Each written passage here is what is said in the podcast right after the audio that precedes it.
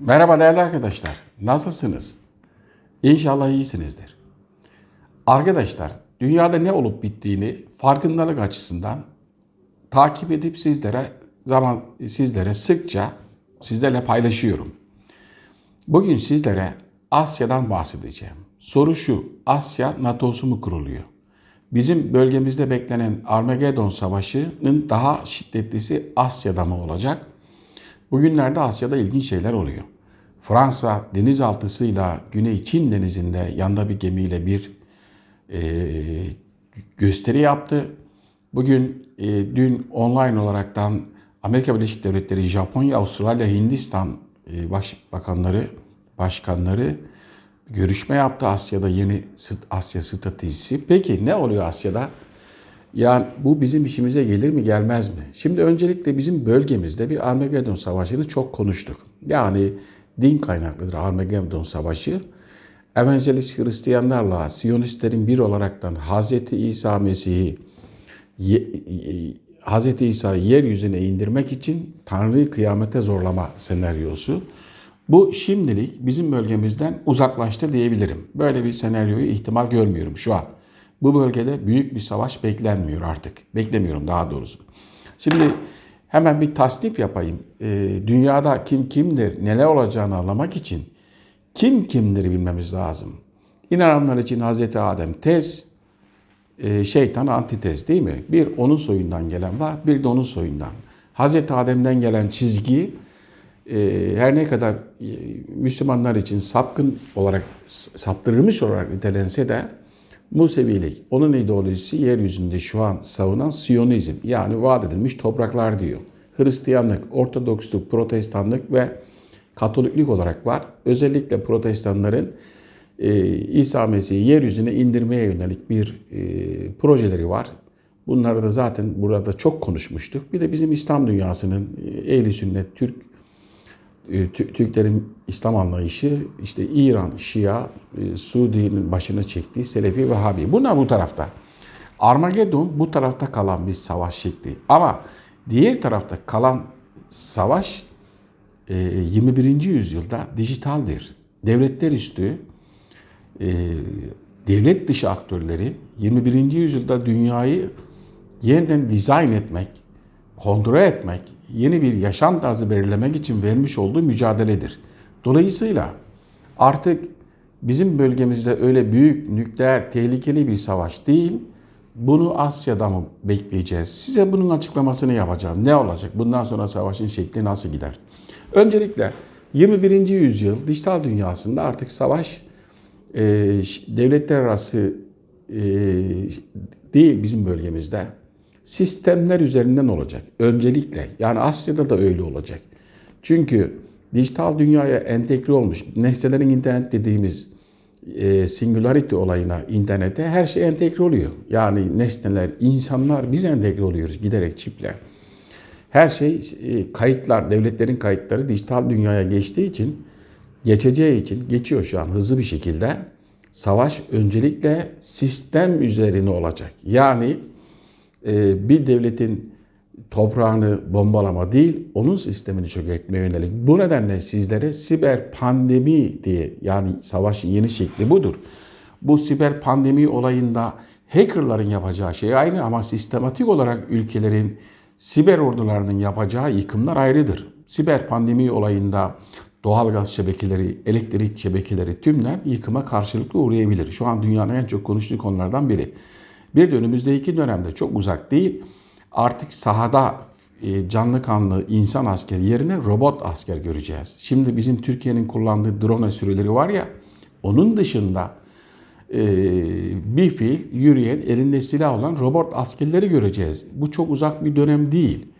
Denizlerde de yine robotlar. Çünkü 4. sanayi devriminin e, savaşı farklı. Bir taraftan siber pandemi dediğimiz siber savaşa yönelik bir olay var. Bir taraftan robotlar, yapay zekalı e, savunma sanayi ürünleriyle savaş. Denizlerde balık, e, denizaltıları, işte balık robotlar, e, denizaltılarının havaya uçması gibi olayları yaşayacağız. E, bu tasnifi yaptıktan sonra gelelim Asya'ya. E, Bu bizim bölgemizin aslında biraz nefes almasını sağlayabilir. Joe Biden hükümetinin açıklamış olduğu güvenlik yeni stratejisinde ne diyor? Orta Doğu'da olayları diplomatik yolla çözeceğiz. Bunun anlamı ne? Asya'ya ağırlık veriyorlar. Hillary Clinton 2011 yılında yeni bir güvenlik yaklaşımı açıklarken e, dünyanın kalbinin Asya'da attığını bahsetmişti. Neden Asya'da atıyor onu söyleyeyim size. Asya'da 38 ülke var. Pasifik bölgesinde. E, dünya karalarının %44'ü e, nüfusun %65'i orada. Dünyanın en önemli 10 limandan 9'u Asya'da şu an ticaret açısından. 6 tane nükleer güç var o bölgede. Amerika Birleşik Devletleri dahil. Dünyanın en büyük 7 ordusu Asya'da. Dünya ticaretinin, deniz ticaretinin %60'ı Asya'da dönüyor. Özellikle Çin kaynaklı. Dolayısıyla tüm güçler o tarafa doğru yönelecek, yöneldi. Başladı süreç. İşte o nedenle Joe Biden diyor ki ben Orta Doğu'da diplomasiye ağırlık vereceğim. Öncelikle diyor değil mi? Bugün Beyaz Saray'dan yapılan bir açıklama vardı. Ne diyordu? Suudi Arabistan'a açık çek vermeyeceğiz artık. Yemen'de Husileri terör listesinden çıkarttı. Suudi Arabistan'a silah satışını durdurdu. Birleşik Arap Emirlikleri F-35 satışını durdurdu. Mısır'a yaklaşımı farklı. Eskisi gibi benim en sevdiğim diktatör diyen bir başkan yok. Bu nedenle biz şu an diplomatik hamleleri görüyoruz. Bu da Türkiye'nin işine yarar. Her ne kadar Rusya ile ilgili Türkiye'ye baskı yapsa da Amerika Birleşik Devletleri Halk Bankası ile üzerimize gelse de önümüzdeki dönemde farklı bir sahne olacak bölgemizde. Bu da Türkiye'nin menfaatlerine olur. Şimdi e, tüm e, Amerika Birleşik Devletleri'nin Yunanistan'a, Girit'e, Bulgaristan'a, Romanya'ya yapmış olduğu askeri silah yığınakları var. PKK'ya verdiği var. E, ama asıl yine Asya'da arkadaşlar. Bundan sonra güç orada. Hillary Clinton 2011'de dünyanın geleceği Asya'da belirlenecek demişti. Ve Obama da Transpasifik Asya ekonomik e, bir birlik kurmuştu. Trump gelir gelmez Transpasifik Asya'yı e, iptal etti. İstemiyorum dedi. Sonra Çin kurdu. Topladı bölgedeki Asya ülkeleri diye bir ekonomik birlik e, birlik teşhis etti. Yani aslında Trump'ın burada e, Çin'e bir şekilde iyilik yapmış oldu. Daha önceden de Armageddon diye ortaya çıkan baba ve oğul Bush gücü bu tarafa kaydıraraktan Amerika'yı bu yarışta geri atmıştı. Şimdi Amerika Birleşik Devletleri biraz daha aklı başına geldi. Birinci sırada Çin'i hedefe koydular. Ne yapıyorlar? Öncelikle Çin'le yani Asya'da e, özellik özellikle Asya'da bir yeni Asya NATO'su kurmanın arayışındalar. Becerebilirler mi? Beceremezler mi? Neler olabilir? Şimdi Asya'daki Trump'ın politikası e, önce ha pardon şunu açıklayayım. Bizim bölgemizde savaş devletler arası değil vekalet örgütler üzerinden gitti. Afrika'da da öyle. Vekalet devletleri, vekalet örgütler, etnik yapıları kullanaraktan. Ama Asya'da böyle bir şey yok. Asya'da direkt devletler karşı karşıya şu an. Bu nedenle Amerika Birleşik Devletleri Kuzey Kore ile Rusya'nın nükleer gücü bir araya gelirse Amerika savunması buna yetmez diyor. Çin'i saymıyorum bile. Şu an Joe Biden'ın ilk yaptığı online Zoom toplantısı, yani Zoom derken işte online yapmış olduğu toplantıda Avustralya, Japonya ve Hindistan oldu. Shinzo Abe Japonya Başbakanı Amerika'nın e, nükleer güç ol baskısına direndiği için istifa ettiği söyleniyor. Bugün de 5 tane eski Japon Başbakanı nükleer güç olmaya karşı şeklinde beyanat verdi. Medyaya yansıdı. Amerika Japonya yeniden nükleer güç yapmak istiyor ama Japonya bir e, ikinci dünya e, Japonya Birinci Dünya Savaşı'nda bunu deneyimledi ve gördü. E, ne kadar büyük bir yıkıma uğradığını daha toparlanamadı. Ama şimdi silah yığıyor Japonya çevresine. E, şey, Obama ekibi Asya Pasifik caydırıcı grubu oluşturmuştu. Bunu Trump Hint Pasifik'e çevirdi. Buradaki amaç da Hindistan'ın Çin'le problemleri var. Aslında Çin'in bölgede herkesle problemi var. Filipinlerle var, Tayvan'la var, e, Malezya ile var, Burma ile var, Nepal ile var, Hindistan'la var. Her tarafta problemi var Çin'in. Trump bunu fırsat bilerekten Hindistan ve Çin arasındaki o sınır anlaşmazlığını kaşıyaraktan e, Çin'e yeni bir anlaşmalar yaptığı e, silah satışlarına onay verdi ama kullanabilir mi? Arkadaşlar Çin tarihi derinliği olan bir devlet. Şey Hindistan. Ama işin enteresan tarafı Hindistan'ı uzun süre Türkler yönetmiştir. 1853'e kadar Babü Şah İmparatorluğu vardı Hindistan'da ve hala köylerde Türk isimleri vardır, Türk köyleri vardır Hindistan'da. Hindistan Çin'le e, Batı'nın teşvikiyle sadece onların teşvikiyle Çin'le kapışma niyetinde değil. Çin Başbakanı e, Çin Başkanı Xi Jinping ve Hindistan'da Modi bir araya geldi. Geçici olarak da sınır problemlerini çözdü. Askerlerini geri çıkarttı. Son iki yılda çok ciddi sınır itirafları vardı. Karşılıklı çatışmalar vardı. Orada bir tapınak hikayesi vardı. Ama şu anki çözmüş görünüyorlar. E, Fransa, İngiltere direkt olayın içinde. Neden? Çünkü Avustralya, Yeni Zelanda, e, Guam Adaları gibi e, ikisinin de direkt ya da indirekt it, hak iddia ettiği yerler var. Güney Çin denizinin altında çok ciddi petrol ve doğal gaz rezervleri olduğu söyleniyor. Bu Asya için çok kötü bir haber ama bizim için çok güzel bir haber. Çünkü genelde sömürgeci devletler e, şey neredeyse oraya yönelirler. E, kaynak neredeyse. Şu an Güney Çin denizinin altında. Bir de kutuplarda var. Hem Rusya hem Amerika Birleşik Devletleri hem Çin iddia ediyor. Kutuplarda e, eriyen buzların yerinde madenler, petroller, doğalgazın olduğu varsayılıyor. Kimin hakim olacağına dair. Ee, Hindistan'ın batı ekseninden kopartmak için Rusya e, BRICS ülkeleri arasında almıştı. Çin'le beraber hatta Pakistan'la beraber Hindistan bir tarafta onu götürüyor. Bir taraftan Rusya'da parasını dedi bir S-400 almak istiyor. Şimdi Amerika Birleşik Devletleri Hindistan o noktada uyardı. Bak Türkiye gibi size de yaptırım uygularız şeklinde ama henüz daha bir yaptırım uygulamadı. Bu S-400'ler iki, bu yıl normalde teslim edilecek Hindistan'a. Bu Mayıs ayında 2021'in Fransa, Japonya, Amerika Birleşik Devletleri, Avustralya bir tatbikat yapacak Güney Çin Denizi'nde. Amerikan Deniz Kuvvetleri Komutanı'nın e, kongrede verdiği beyanat var. Uzun bir konuşması var. Orada ilginç bir şey söylüyor. Çin deniz noktasında bizi geçecek diyor. Yeni e, siber noktada zaten e, Amerika'ya çok ciddi zarar verdi diyor.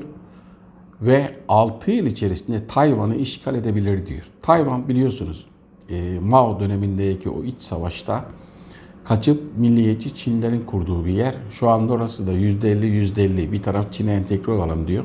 Bir taraf bağımsız kalalım diyor.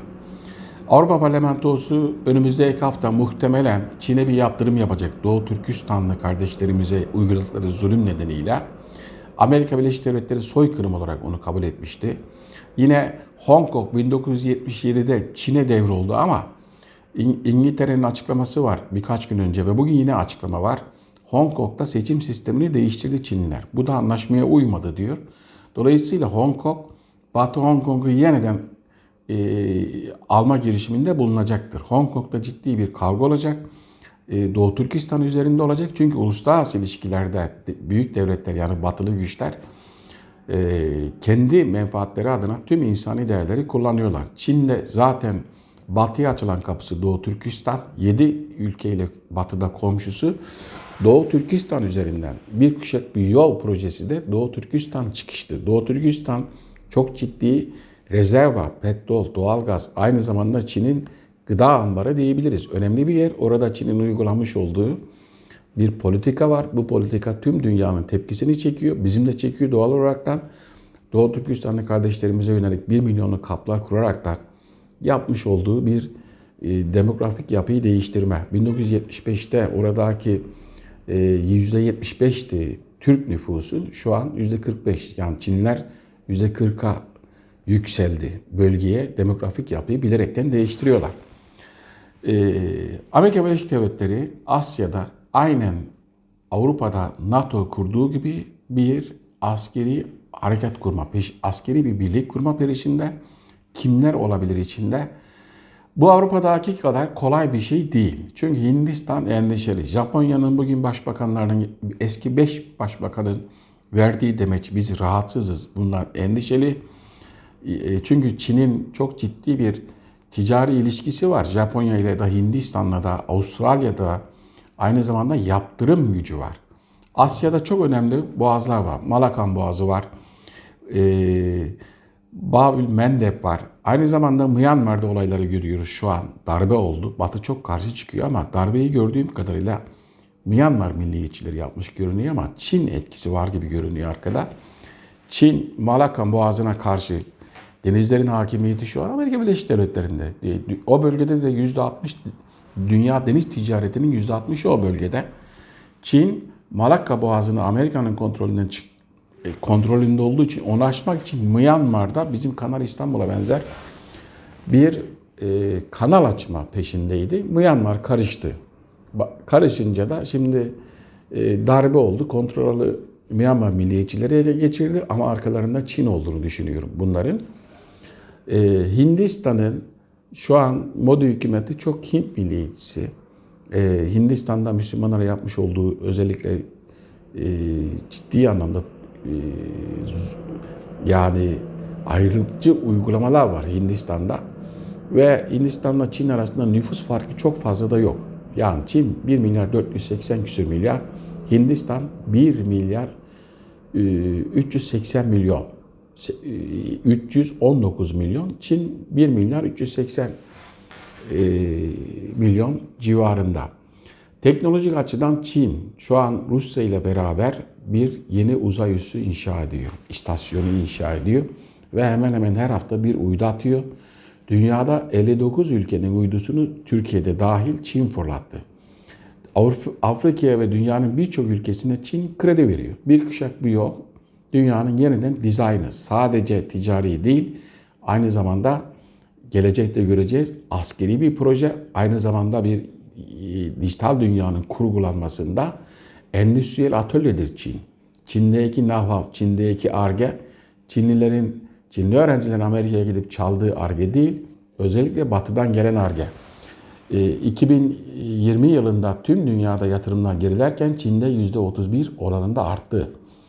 E, 176 milyar yuan yatırım almış. Yatırımı nereden alıyor Çin? Avrupa Birliği'nden alıyor.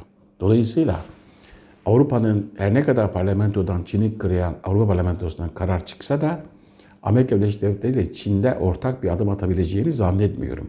Fransa şimdi yeniden o tarafa yöneldi. Savaş uçak gemisini, nükleer gemisini, denizaltısını gönderdi e, bölgeye. Şöyle bir tur attı geldi ama Fransa'nın boyunu aşar. Geçmişte Afyon Savaşları'nda İngiltere ve Fransa ayrı ayrı olaraktan Çin'e diz çöktürmüştür. Çinliler tarihi bir intikam peşinde. Ona hazırlanıyorlar. Amerika Birleşik Devletleri'nin e, Hava Kuvvetleri Komutanı'nın kongrede verdiği beyanette ilginç şeyler var. Çin'in çok kısa sürede e, deniz kuvvetlerini geçeceği, Tayvan'ı işgal edeceği, aynı zamanda bir kuşak bir yol güzergahında askerlerinin de olacağını, Çin'in dünyanın değişik yerlerine kendi menfaatleri için askerleriyle gideceğini, yani Amerika Birleşik Devletleri 20. yüzyılda 150 ülkede 800'den fazla üs, bin hadi diyelim, üsle tüm dünyayı kontrol altına almışsa bunun Çin tarafından aynen kopyalanacağını söylüyor. Katılıyorum çünkü Çin'deki akıl aynen Amerika'daki akıl. Aynı şeyler olacak. Amerika şimdi demokrasi diyor. Yani bölgede her ne kadar tam e, şeyi karşılamasa da insanların ihtiyacını en iyi çözüm demokrasi. Bu nedenle Çin'e karşı demokratik ülkeler bir araya gelmeliyiz diyor. Ama Amerika'nın New York sermayesi, Londra'nın sermayesi, Berlin sermayesi, Paris sermayesi, e, Amerika'daki Silikon Vadisi'nin know Çin'de. Yani ulus devletlerin Çin'e karşıtlığı ile ulus devlet içerisindeki küresel şirketlerin Çin'e karşıtlığı aynı değil. Devlet bir taraftan Çin'e karşı yaptırım peşinde, diğer taraftan Avrupa'dan Amerika'dan sermaye akan know-how akıyor Çin'e. Bu nedenle 2028 yılında İngiltere'deki bir düşünce kuruluşuna göre dünyanın birinci ekonomisi olacak diyor. Bilim olarak, arge olarak zaten hızla büyüyen bir Çin var. Yani 20. yüzyılda Amerika dünyanın başına nasıl bir bela olmuşsa bu yüzyılda Çin daha ilerisi olacak görünüyor. Şimdilik bir, bu olayın askeri yönünü biz de konuşmuyoruz. Yani e, dünyada seslendiren ilk e, biz şahıs olarak seslendiriyorduk ama e, ilk kere Amerikan Kongresi'nde seslendirildi. Bu Amerikan Hava Kuvvetleri Çin'in askerleriyle beraber bir kuşak bu yoldaki menfaatlerini korumak için olacak. Yani Afrika'da, Asya'da, Balkanlarda fırsat bulursa birçok ülkede Çin Biz sizi koruyalım diye gelecek. Şimdi sermaye veriyor mu? Veriyor. Buna borç diplomasisi diyor Amerikalılar. Afrika'da her ülkeye borç veriyor Çin. E, ülkelerin borcu ödeyecek parası yok. O zaman bana limanını ver, yolunu ver, köprünü ver diyor. O ülkeyi mahkum edip ve satıyor. Yani borçlandırarak tebeci mantığıyla e, o ülkeyi bir noktada satın aldığını söylüyor. E, Zaten bu geçmişte batı kaynaklı olan bir şeydi. Aynısı şimdi Çin kaynaklı oluyor. Arkadaşlar bu yüzyılda kıyamet orada kopacak. Ee, daha önce söylediğim gibi muhtemelen Hindistan-Çin arasında bir gerginlik çıkartacaklar. Ee, eğer dünyada bir nükleer e, kapışma olursa bu Asya'da olur. Bizim bölgemizde olmaz. Rusya da bunu biliyor, Çin de bunu biliyor, Hindistan da biliyor, Japonya çok tedirgin, Amerika da bunu biliyor ve tüm gücünü e, yeni Asya caydırıcılık e, kuvveti diye bir şey oluşturuyor. Avrupa caydırıcılık kuvveti oluşturdu. Onun yerine NATO vardı işte. Asya'da da benzeri bir şey kurma girişiminde başarır mı? Şu şartlarda biraz zor görünüyor. Asya'da böyle bir askeri güç başarması çok zor. Çünkü Avrupa'da, Amerika ile Avrupa e, bir NATO kurduğunda onu caydıracak, karşı koyacak bir devlet yoktu. Yani ekonomik olarak onu baskılayabilecek, teknolojik olarak ondan üstün, silah olarak ondan üstün bir bölgemizde bir devlet yok. Ee, Rusya var ama zaten Rusya'ya karşı bir aradalardı. Ama Çin de çevresiyle ciddi bir ekonomik ilişkisi var. Bu nedenle daha önce e, Obama döneminde bir araya gelen şey yürümedi. Çin bunu gördüğü için Obama'nın yapmış olduğu projeyi hemen kaptı. Bölge ülkeleriyle oturdu bir anlaşma yaptı. Çin'in yeni teklifleri olacak dünyaya. Dünyadaki önemli kararlar Birleşmiş Milletler'den alıyor. Malum Birleşmiş Milletler'de de 200 küsur ülke var. Bu ülkelerde şu ana kadar Batı hakimiyeti vardı. Amerika Birleşik Devletleri ne derse o oluyordu son 5-6 yıla kadar. Ama şu an değil. Dünyada alınacak kararlarda veto yetkisi olan Çin, veto yetkisi olan Rusya, aynı zamanda Afrika'da, Orta Doğu'da birçok devlet şu an e, Çin'le sıkı bir ekonomik işbirliği olduğu ve olacağı için Çin ne derse onu yapacaklar. Bu nedenle daha önceki videolarda yeni Türk İmparatorluğu diye başladığım videoda bir Türk Birliği elzemdir bu noktada. Yani tek tek hiçbir ülkenin şu an Çin'e karşı koyma gücü yok. Çin'i şu an ne tam olarak anlamıyor. Çin'deki izliyorum Çin medyasını, Çin'deki araştırmaları, Çin'deki e, belli düşünce kuruluşların yazılarını. Çin dünyaya öfkeli arkadaşlar. Özellikle Batı'ya Afyon savaşlarından dolayı öfkeli. Çinlileri öfkelendiren bir akıl var. O akılda bu yüzyılı Çin üzerinden dizayn eden yeni bir akıl var. Yeni tekliflerle geliyorlar. Bu teklifler ilk etapta ticari, ikinci etapta diyaloğa dayalı kültürel. Çünkü bir kuşak bir yolun güzergahında tüm ülkelerde Çin medya satın alıyor veya medya kuruyor. Batı'da da böyle olmamış mıydı? Geçmişte mesela bizde Fox TV var. Kimin Fox TV? Amerika'nın. İşte bu güzergahta şimdi Çinler geldi Türkiye'de Çin radyosunu kurdu. Yarın bir televizyon satın alacaklar. Tüm bölgede yeni bir Çin hakimiyet projesini hazırlamışlar. Bu nedenle olaya sadece ticari bakmamalıyız. E Türkiye ne yapıyor? Türk Konseyi üzerinden derinden sessizden Türkiye'de bir proje yürütüyor şu an. İnşallah başarılı oluruz. Aynı zamanda İslam dünyasına yönelik arka planda gördüğüm Endonezya, Pakistan, Malezya, e, Katar ve muhtemelen gelecekte Körfez'in de katılacağı yeni bir sahne ortaya çıkacak. 21. yüzyıl dünyası arkadaşlar bir taraftan robotların savaşı sistem üzerinde, dijital sistemler üzerine yıkım, veri güvenliği, veri üzerinde en önemli şey veri güvenliği. Amerika'yı delik deşik ettiler. F-35'lerin daha önce bahsetmiştim. Çalınmadık verilerini bırakmadılar. Amerika'da FBI'de çalışan herkesin verisini aldı. Bunu Çin'den şüpheleniyorlar. Rusya diyorlar ama benim kendi kanaatim Rusya'dan çok daha çok Çin. Amerika Çin'in üzerine gittikçe karşılığını siber olarak görecek. Amerika'daki elektrik şebekeleri öncelikle doğal gaz şebekelerini ve önemli kritik kurumların NASA'da bunun içinde verilerinin daha da şiddetli çalındığını önümüzdeki dönemde göreceğiz. E, bu nedenle Amerika'nın NATO olaraktan bu bölgeyi sıkıştırdığı gibi orada bir sahne yok. Şimdi ne diyor Amerika? Türkiye'ye görev verdi. Af, e, zaten Türkiye içindeydi. Afganların kendi arasındaki barışında Türkiye'ye alın bunu üstlenin gidin İstanbul'da bunları barıştırın bir an önce beni kurtarın diyor. Geldik dünyanın en süper güçlü ordusu Taliban'ı yenemedik diyor. Dağlarda kovaladık filan ama yenemedik diyor. Şu an barışalım diyor Afganları. Ben çıkayım buradan diyor. Hızlı bir şekilde Afganistan'dan çıkmak istiyor. Bu bölgede de Amerika'nın şu an bir savaş çıkartmak niyeti yok. Caydırıcılık gücünü kullanarak bizim bölgemizde masada istediğini kabul ettirme e, gücü, e, niyeti var. O nedenle bizim Yunanistan bize savaş çıktı mı çıkmadı mı geliyor mu? Bunlar Amerika için çok e, elzem derecede birinci mesele değil arkadaşlar. Çok önemli değil çünkü Amerika'nın başı dertte. Amerika dünyanın hegemonik gücü.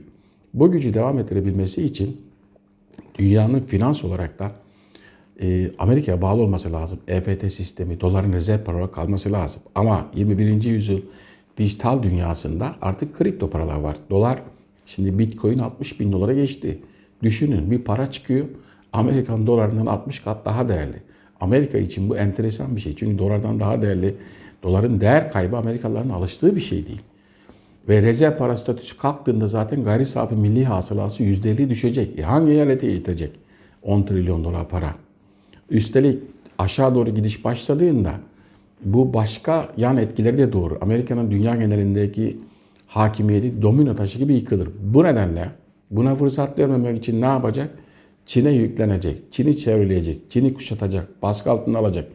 Gücü yeter mi? Ee, orada Kuzey Kore var, nükleer güç. Çin var, nükleer güç. Rusya var, nükleer güç. Asya'da bilek güreşi istediği gibi yapamayacaklar. Afyon savaşlarındaki gibi bir durum yok. Ee, ve siber olaraktan e, dünyada en güvenli ülke Amerika bilinir ama en iyi siber savaşçılar da Rusya ve Çin'de olduğu artık kanıtlanmış oldu. Psikolojik olaraktan da dünyada ciddi anlamda bir savaş veriyorlar. Bitcoin'in merkezi de batıda konuşuluyor ama Bitcoin'in e, madenciliği ve kontrolü Çin Komünist Partisi'nde. Bunu genelde kimse söylemezse çünkü bilmez.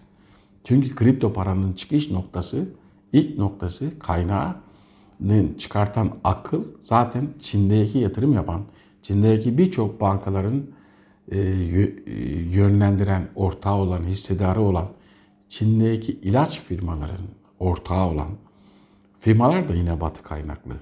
O nedenle e, peki Joe Biden küreselci, küresel bir dünya istiyor, liberalizm istiyor, demokrasi istiyor, serbest ticareti istiyor. Ne yapacak Çin'e karşı? Çin şimdi batıdan sermayeyi çekiyor. Ne diyor batıda? Serbest bölgeler kuruyor. Buyurun ben size her türlü hakkı tanıyorum diyor. Direkt geliştiriyor. Çünkü Çin'deki akıl batıdaki Innovation Incubation Center'ları kuran, teknoparkları kuran akıl orada da aynısını yapıyor şu an. E sermaye de kazandığı yere gider. Yönlendirildiği yere gider. Bu virüs olayında ilk başta ne diyordu Türkiye'de? Hemen hemen koro halinde tamamı Türkiye'nin yorumcularının daha Amerika'da Avrupa'da virüs yokken Amerika 10 dolarlık Çin'e virüsle Çin'e düz çöktürdü. Ben de hayır. İzleyin, görün. Amerika düşünsün yorumunu yapıyordu. Burada o orada stratejik düşünen aklı okumadan neler olacağını görmek çok zor. Dolayısıyla e, Trump'ın e, yeniden büyük Amerika diye Amerika Birleşik Devletleri için yapmış olduğu Asya'da o ekonomik birliği kurmayarak Obama'nın projesini geri çekerek Amerika buradan zarar görüyor diyerek kurmadığı şey aslında Amerika'ya en büyük zararı vermiş oldu. Geldiğimiz noktada arkadaşlar bölgemiz biraz daha nefes alacak. Bölgedeki ülkeler İsrail, Mısır, Suriye Arabistan, Birleşik Arap Emirlikleri, İran'a da kat bir şekilde herkes herkesle masaya oturur konumuna gelecek. Burada da en deneyimli, en devlet aklını kullanan Türkiye'dir. Çünkü Türkiye'nin körfez körfezdedir. Suudi Arabistan'ın hinterlandı belli. Ama Türkiye'nin tarihi bir e, hatırı var tarih ve jeopolitik bir önemi var.